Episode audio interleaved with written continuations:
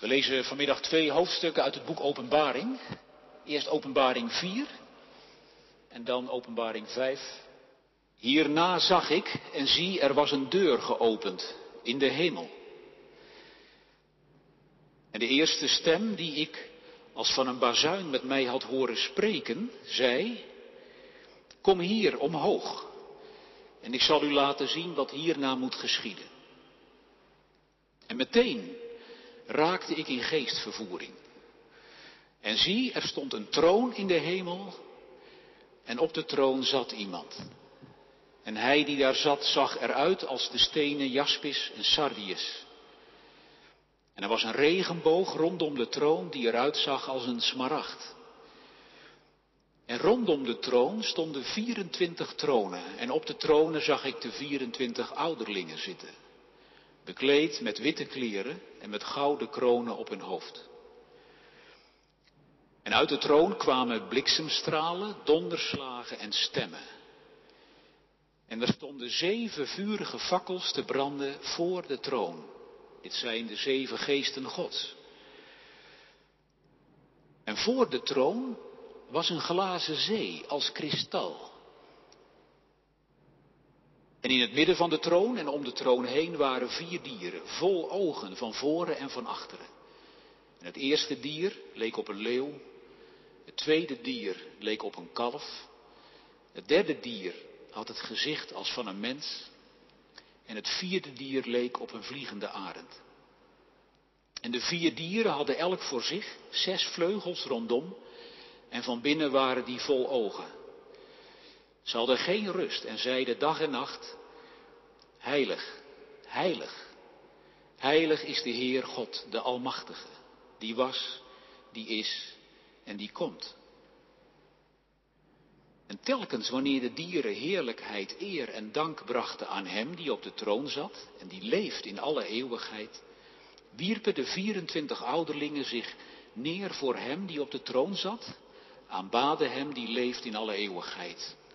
En wierpen hun kronen neer voor de troon en zeiden, U bent het waard, Heer, te ontvangen de heerlijkheid, de eer en de kracht. Want U hebt alle dingen geschapen en door Uw wil bestaan zij en zijn zij geschapen. En ik zag in de rechterhand van hem die op de troon zat een boekrol, van binnen en van buiten beschreven, verzegeld met zeven zegels. En ik zag een sterke engel die met luide stem uitriep, wie is het waard de boekrol te openen en zijn zegels te verbreken? Maar er was niemand, in de hemel en ook niet op de aarde of onder de aarde, die de boekrol kon openen of hem inzien. En ik huilde erg, omdat er niemand werd gevonden die het waard was die boekrol te openen, te lezen of in te zien. En een van de ouderlingen zei tegen mij, huil niet, zie de leeuw die uit de stam van Juda is, de wortel van David, heeft overwonnen om de boekrol te openen en zijn zeven zegels te verbreken. En ik zag en zie, te midden van de troon en van de vier dieren en te midden van de ouderlingen stond een lam als geslacht, met zeven horens en zeven ogen. Dit zijn de zeven geesten van God, die uitgezonden zijn over heel de aarde. En het kwam en heeft de boekrol genomen uit de rechterhand van hem die op de troon zat. En toen het de boekrol genomen had, wierpen de vier dieren en de 24 ouderlingen zich voor het lam neer. Ze hadden elk een citer en gouden schalen vol reukwerk. Dit zijn de gebeden van de heiligen. Ze zongen een nieuw lied en zeiden, u bent het waard om de boekrol te nemen en zijn zegels te openen. Want u bent geslacht en hebt ons voor God gekocht met uw bloed. Uit elke stam, taal, volk en natie. En u hebt ons voor onze God gemaakt tot koningen en priesters. En we zullen als koningen regeren over de aarde. En ik zag en hoorde een geluid van vele engelen rondom de troon, van de dieren en van de ouderlingen. En hun aantal bedroeg tienduizenden tienduizendtallen en duizenden duizendtallen. En zij zeiden met luide stem, het lam dat geslacht is, is het waard om de kracht te ontvangen. En rijkdom, wijsheid, sterkte, eer, heerlijkheid en dankzegging. En elk schepsel dat in de hemel, op de aarde, onder de aarde en op de zee is, en alles wat daarin is, hoorde ik zeggen, aan hem die op de troon zit en aan het lam, zij de dankzegging, de eer, de heerlijkheid en de kracht in alle eeuwigheid. En de vier dieren zeiden Amen. En de 24 ouderlingen wierpen zich neer en aanbaden hem die leeft in alle eeuwigheid. Dit is het woord van onze Heer voor deze middag. Wij danken God. Gemeente van Christus, met het kerstfeest is God bij ons op bezoek gekomen in onze wereld. Zojuist lazen we hoe iemand van onze wereld werd uitgenodigd voor een tegenbezoek in de hemel. Johannes, oude ambtsdrager van de kerk van Jezus, krijgt de nodiging, kom hierheen, kom naar boven. En net als het kleine meisje Lucie het land Narnia binnenkomt via een kast, omdat die kast opeens geen achterwand blijkt te hebben, zo kan Johannes zomaar het land van God binnenstappen. En dat uw land naar alle kant niet ver bij mij vandaan is, zegt lied 470. Als de deur open is, loopt Johannes zo de hemel binnen.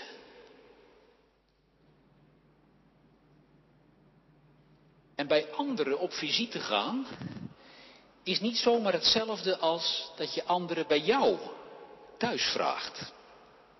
Als je mensen bij je thuis vraagt, laat je meer van jezelf zien. De inrichting van je huis, je meubels, je boekenkast, muziekinstrumenten, de grootte van je tv-scherm, de geur die in je huis hangt. Al die dingen zeggen iets over wie jij bent en hoe jij leeft. Johannes wordt bij de Heer thuis uitgenodigd. En zo maakt Johannes al mee wat wij die bij Jezus horen toch allemaal hopen. Eenmaal bij de Heer thuis te mogen komen. Dat je niet over de rand van het leven in de donkerte valt, maar dat je bij Hem mag binnengaan. In het Nieuwe Testament krijgen drie mensen zo'n uitnodiging om in de hemel op bezoek te komen. Stefanus, Paulus en dus Johannes. En voor Stefanus en de eerste christenen was die blik in de hemel een bemoediging. Stefanus gaf het kostbaarste dat je hebt, je eigen leven, voor Jezus. Stefanus werd gestenigd. En dan krijgt hij als eerste martelaar de bevestiging, de aanmoediging dat hij op de weg ten leven is. Want voordat hij sterft ziet hij dan Jezus, die zelf ook de marteldood is gestorven. Hij ziet Jezus staan aan de rechterhand van God. De weg van Jezus, ook al is dat een weg door de dood, voert naar het eeuwige leven. Dat ziet Stefanus, de eerste christelijke martelaar. Paulus, de apostel, legt dus ook een bezoek af in de hemel. Hij is tot in de derde hemel opgetrokken geweest, zegt hij zelf. En daar heeft hij onuitsprekelijke dingen gezien, zo zegt hij. Dat is opmerkelijk, want Paulus was een fariseer en hij wist altijd precies hoe de wet uitgelegd moest worden. Hij wist precies wie God was.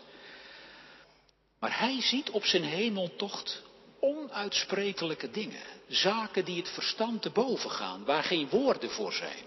Hij kan er niets over zeggen. Alsof die apostel heeft moeten leren dat er dingen zijn waar geen woorden voor zijn. Zaken die je verstand te boven gaan. Niemand van de apostelen gebruikt zo vaak het woord geheimenis als Paulus. Je verstand is heel dienstbaar, maar God gaat ver boven ons denken uit. En dan als derde in de rij dus Johannes. De tijden van Johannes was er het nodige veranderd ten opzichte van de tijd dat Jezus op aarde was. De Romeinse overheid, die aan Paulus nog bescherming had geboden tegen Joodse samenzwering, die Romeinse overheid was aan het einde van de eerste eeuw zelf overgegaan tot vervolging van christenen. In Klein-Azië was dat begonnen. Daar ontstond de gewoonte om de keizer als God te vereren. En niet meedoen met de, met de grote trend was slecht voor je gezondheid, om het zomaar te zeggen, slecht voor je bedrijf, slecht voor je opleidingskansen en je loopbaan. Allemaal slecht. Christenen stonden onder grote druk om mee te doen met de hoofdstroom. De keizer vereren als God. En Jezus, die gezegd had hij spoedig zou terugkeren uit de hemel, Jezus bleef weg. Zijn opstanding was nu al meer dan een halve eeuw geleden. Jezus had gezegd dat alle macht aan hem gegeven was in de hemel en op de aarde. Maar wat zag je daarvan? De keizer in Rome leek oppermachtig. En in die verwarrende situatie krijgt Johannes de uitnodiging om in de hemel te komen. En dan blijkt dat God toch met ieder van ons een eigen weg gaat. Want anders dan Paulus kan Johannes er wel over spreken. Heel uitvoerig zelfs. Het hele boek Openbaring is een verslag van zijn hemeltocht. Het heet Openbaring. Het voegt nog iets toe aan wat Jezus zelf ons al heeft verteld en laten zien. Jezus zelf zegt, wie mij gezien heeft, heeft de Vader gezien. En we zien dan in het leven van Jezus aandacht voor mensen. Hij geneest hen. Heeft een afkeer van leugen en gehuichel. Jezus dient. En het loopt erop uit dat Jezus als het Pesachlam wordt geslacht om door zijn bloed de uittocht uit zonde en dood te voltrekken. Ik ben in jullie midden als één die dient, zegt Jezus. En wat de openbaring van Johannes nou nog aan die openbaring van Jezus toevoegt, is dat Johannes iets te zien krijgt van Gods regering van de wereld. De stem die Johannes uitnodigt, die zegt, ik zal u laten zien wat hierna moet geschieden. Kennelijk lag daar bij Johannes en bij de kerk van zijn dagen de onzekerheid, de vertwijfeling. En misschien ook wel bij ons.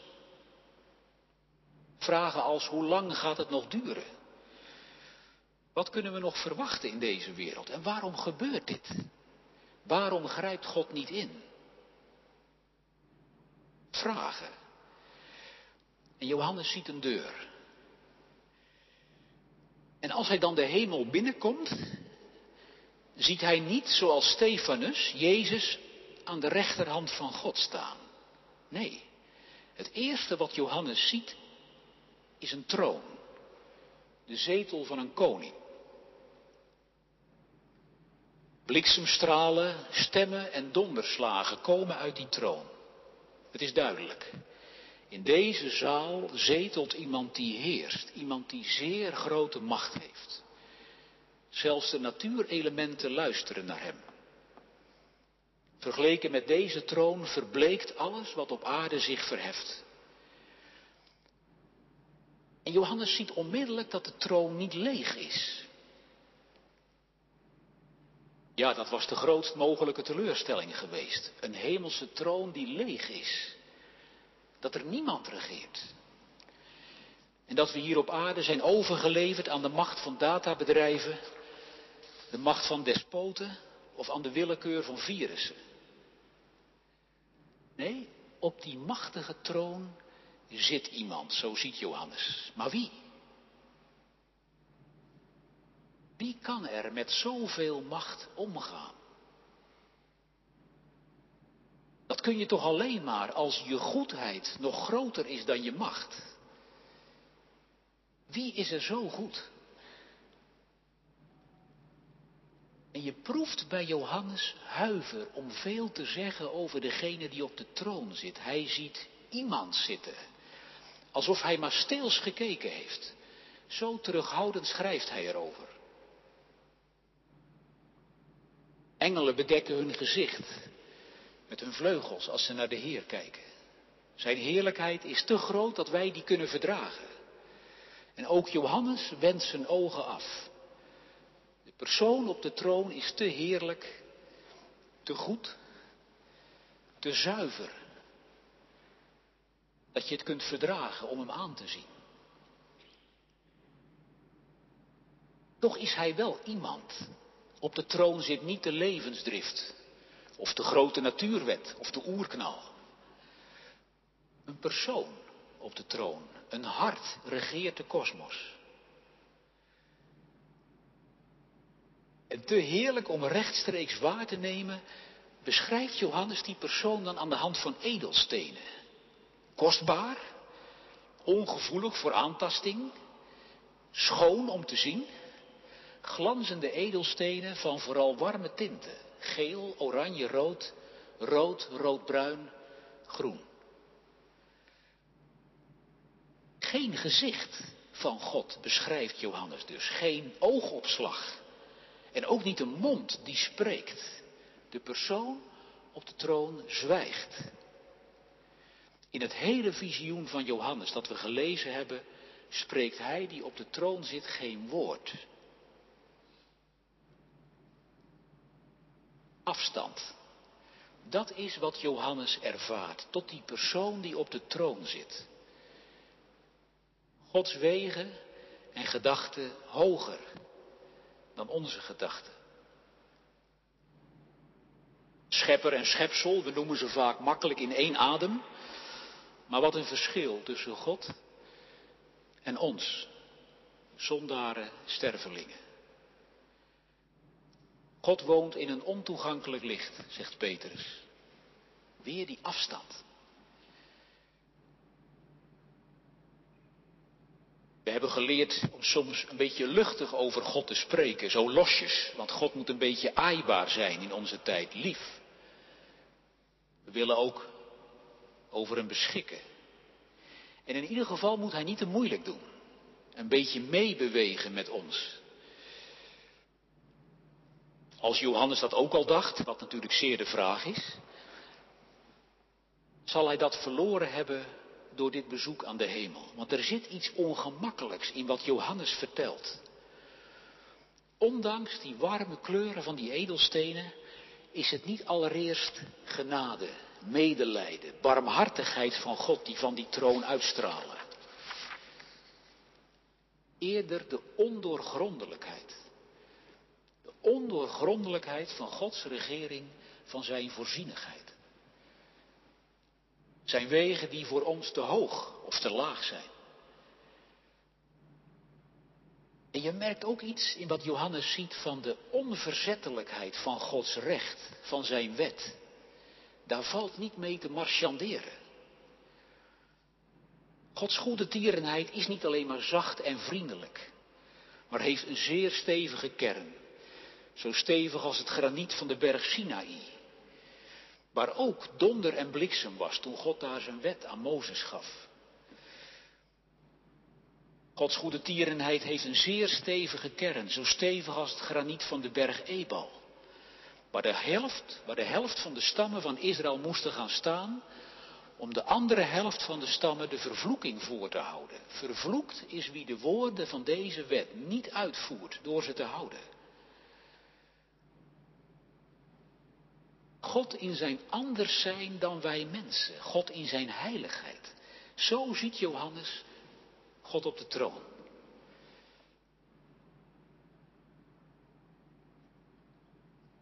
Maar bij zo'n beeld van ja, edelstenen, donder en bliksem, zwijgen, komt al snel de gedachte van onverschilligheid mee. Houdt deze God zich wel met de wereld bezig? Gaan wij hem aan het hart? Of is hij de onbewogen beweger? Kent hij mij en weet hij wat ik moet doormaken? Bange vragen, ook van de kerk in Johannesdagen. Dan ziet Johannes rondom de troon een smaragdgroene regenboog. Regenboog, verbonden aan de zonvloed. Eens ging het oordeel van deze heilige God over de aarde en waren alle mensen verdronken, behalve Noach en die met hem in de ark waren. En daarna gaf God de regenboog als teken van zijn verbond met de wereld. Helemaal ongenaakbaar is God dus niet. Intens betrokken juist op zijn schepping. Hij straft de zonde met de zonvloed. Hij redt en eert de rechtvaardige die naar zijn woord luistert. Noach. De God op de troon daarboven oordeelt mensen niet naar of hij ze aardig vindt of niet. Hij oordeelt naar hun werken, naar hoe hun leven is geweest, zonder aanzien des persoons. Het is een groene regenboog, kleur van het nieuwe leven. Een verdubbeling van de hoop van de regenboog het symbool is. Nou, zo is die troon die Johannes ziet zodra hij de hemelzaal binnentreedt. Troon, dat woord komt twaalf keer voor in hoofdstuk 4. Zo intensief heeft Johannes die troon beleefd. Hoe verwarrend de wereldgeschiedenis ook is, hoe weinig wij ervan kunnen maken, God regeert.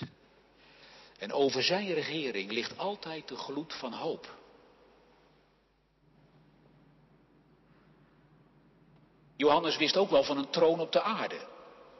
Daarover kun je lezen in Openbaring 3, de brief aan Pergamus. Ik weet waar u woont, daar waar de troon van de Satan is. In onze wereld heeft de Satan zijn troon.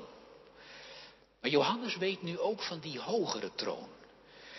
En die troon op aarde, die van de Satan, kan er alleen maar zijn omdat die hogere troon dat toestaat. En ook Paulus, die andere hemelbezoeker, die weet zoiets. Als hij vrijmoedig zegt, God zal niet toelaten dat je boven je vermogen wordt verzocht. In zware tijden komt het er niet op aan te gaan wanhopen, maar te volharden. En als die troon dan dus in beeld is, zou je kunnen zeggen, dan gaan Johannes pas andere dingen opvallen. Zeven vurige fakkels voor de troon, de volheid van Gods geest, een glazen zee, dat wil zeggen kristalhelder water. De tempel van Salomo stond de koperen zee, een enorm waterbassin dat bedoeld was voor de reiniging. Die glazen zee in de hemel lijkt een verwijzing naar het doopwater. God is erop uit ons te reinigen van alle vuil dat ons aankleeft in dit leven. In Ezekiel zegt God over Israël, ik waste u met water, spoelde uw bloed van u af en zalfde u met olie. En dan in het midden en rondom de troon vier dieren. Leeuw, kalf, een dier met een mensengezicht, een vliegende arend. Daaromheen, op tronen, 24 ouderlingen, gekleed in witte kleren, zuiver. 24. Twee keer twaalf. De twaalf stammen van Israël en de twaalf apostelen als grondslag van de kerk uit de heidenen. Die 24 ouderlingen representeren dus alle volken van onze wereld. Joden en heidenen samen. Alle huidskleuren, alle talen, alle stammen. Europeërs en Aziaten, Zuid- en Noord-Amerikanen, Afrikanen Australiërs, bewoners van Antarctica. Het menselijk geslacht. In een kring om God heen. Alle 24 gekroond. Dat is onze roeping. Geschapen naar Gods beeld zijn we geroepen met God te regeren. En daaromheen nog een ring, een grote schare van engelen, dienaars van God. Dus Johannes ziet de Heer, de schepper en wetgever, en zijn schepping in alle heerlijkheid daaromheen. De volken zoals ze van God hun plaats op aarde hebben gekregen, de engelen, de dieren, de natuurkrachten, als concentrische cirkels leven ze om de troon van God heen. Ik moest erbij denken aan de planeet Saturnus. U weet wel, die planeet met daaromheen die prachtig gekleurde ringen. Nou, zo ziet Johannes God in het midden van zijn schepping. Zoals een vader graag zijn kinderen om zich heen heeft. Zo heeft God zijn schepping om zich heen. En in zijn onbeschrijfelijke veelkleurigheid en heerlijkheid is hij in hun midden. En alle schepselen spelen rondom hem. Lof brengen hem alle schepselen. De vier dieren nemen daarin het voortouw. De vier dieren. Niet toevallig de icoontjes van de vier evangelisten. Ze stellen de vier evangeliën voor. Het evangelie klinkt viervoudig in deze wereld. En dan nemen de 24 ouderlingen, de volken van deze wereld, de lofzang over. Ze knielen voor God neer en aanbidden Hem, brengen Hem hulde en eer. Waar de zon opgaat tot waar Hij ondergaat, zal mijn naam groot zijn onder de heidenvolken. Malachi 1. Johannes ziet het. En dan vervolgens werpen die 24 hun kroon voor de troon van God neer. Om maar geen moment de indruk te wekken dat ze te vergelijken zijn met God. U bent God. Wat wij zijn, hebben wij van u gekregen. Spaarzame momenten van helderheid, zeg je hen dat na. Alles richt zich vol overgave op de God die op de troon zit, met daaromheen die smaragdgroene regenboog. De hele schepping zingt, u bent waardig te ontvangen. De heerlijkheid, de eer en de kracht. Want u hebt alle dingen geschapen en door uw wil bestaan zij en zijn zij geschapen. Adembenemend, zinnenverrukkend, om de hele schepping zo verenigd te zien alle schepselen vol overgave en wijding op God gericht.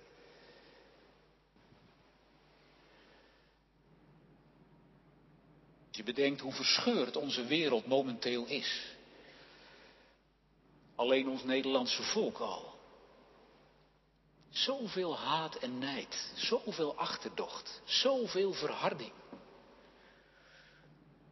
Maar hier, ziet Johannes, heeft ieder zijn plek gevonden.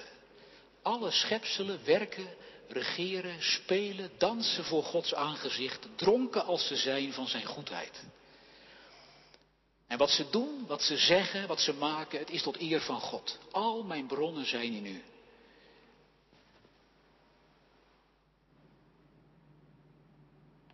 Hoe ver zijn we daarvan verwijderd, denk je misschien?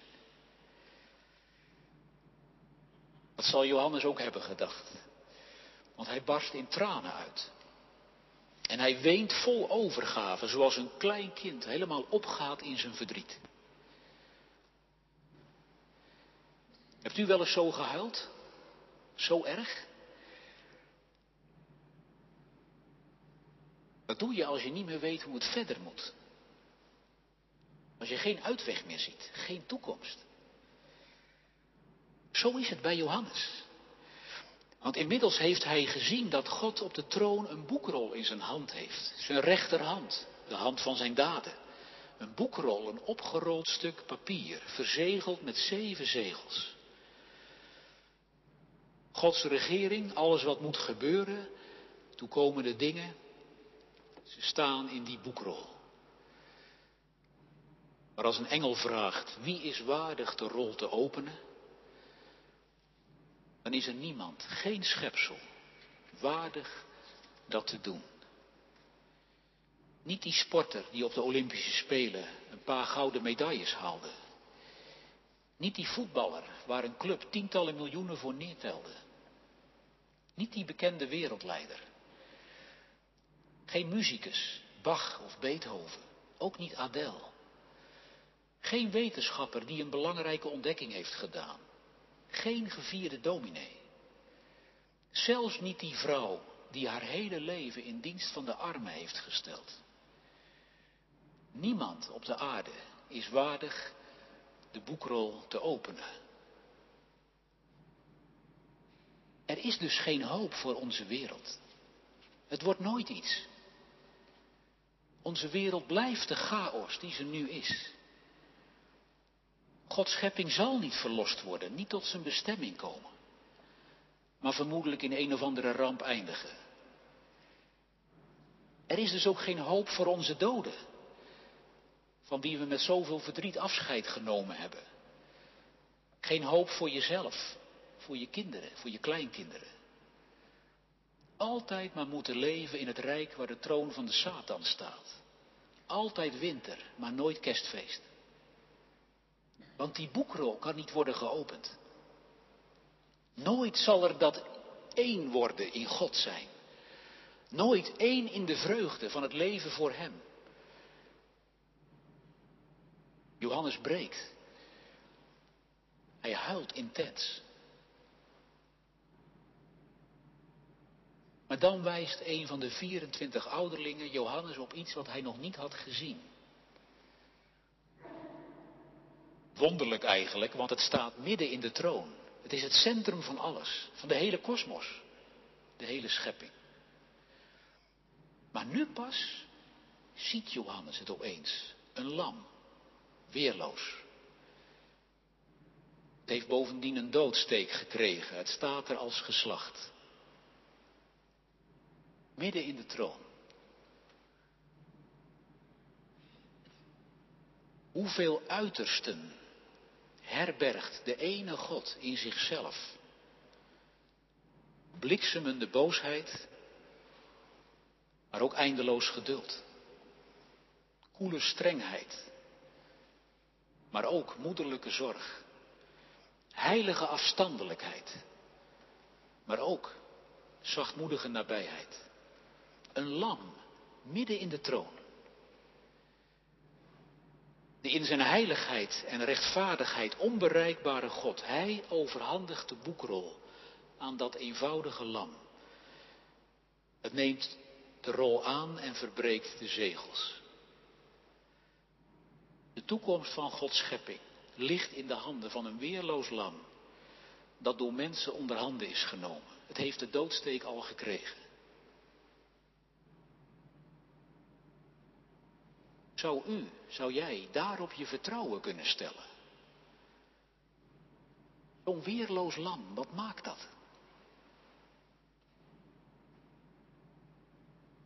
Dat lam heeft gehuild, net als Johannes. Het heeft gehuild om ons mensen. Omdat wij achter de afgoden aan blijven lopen en weigeren ons te wenden tot de levende God. Jeruzalem, Jeruzalem, hoe vaak heb ik uw kinderen willen verzamelen zoals een hen haar kuikens.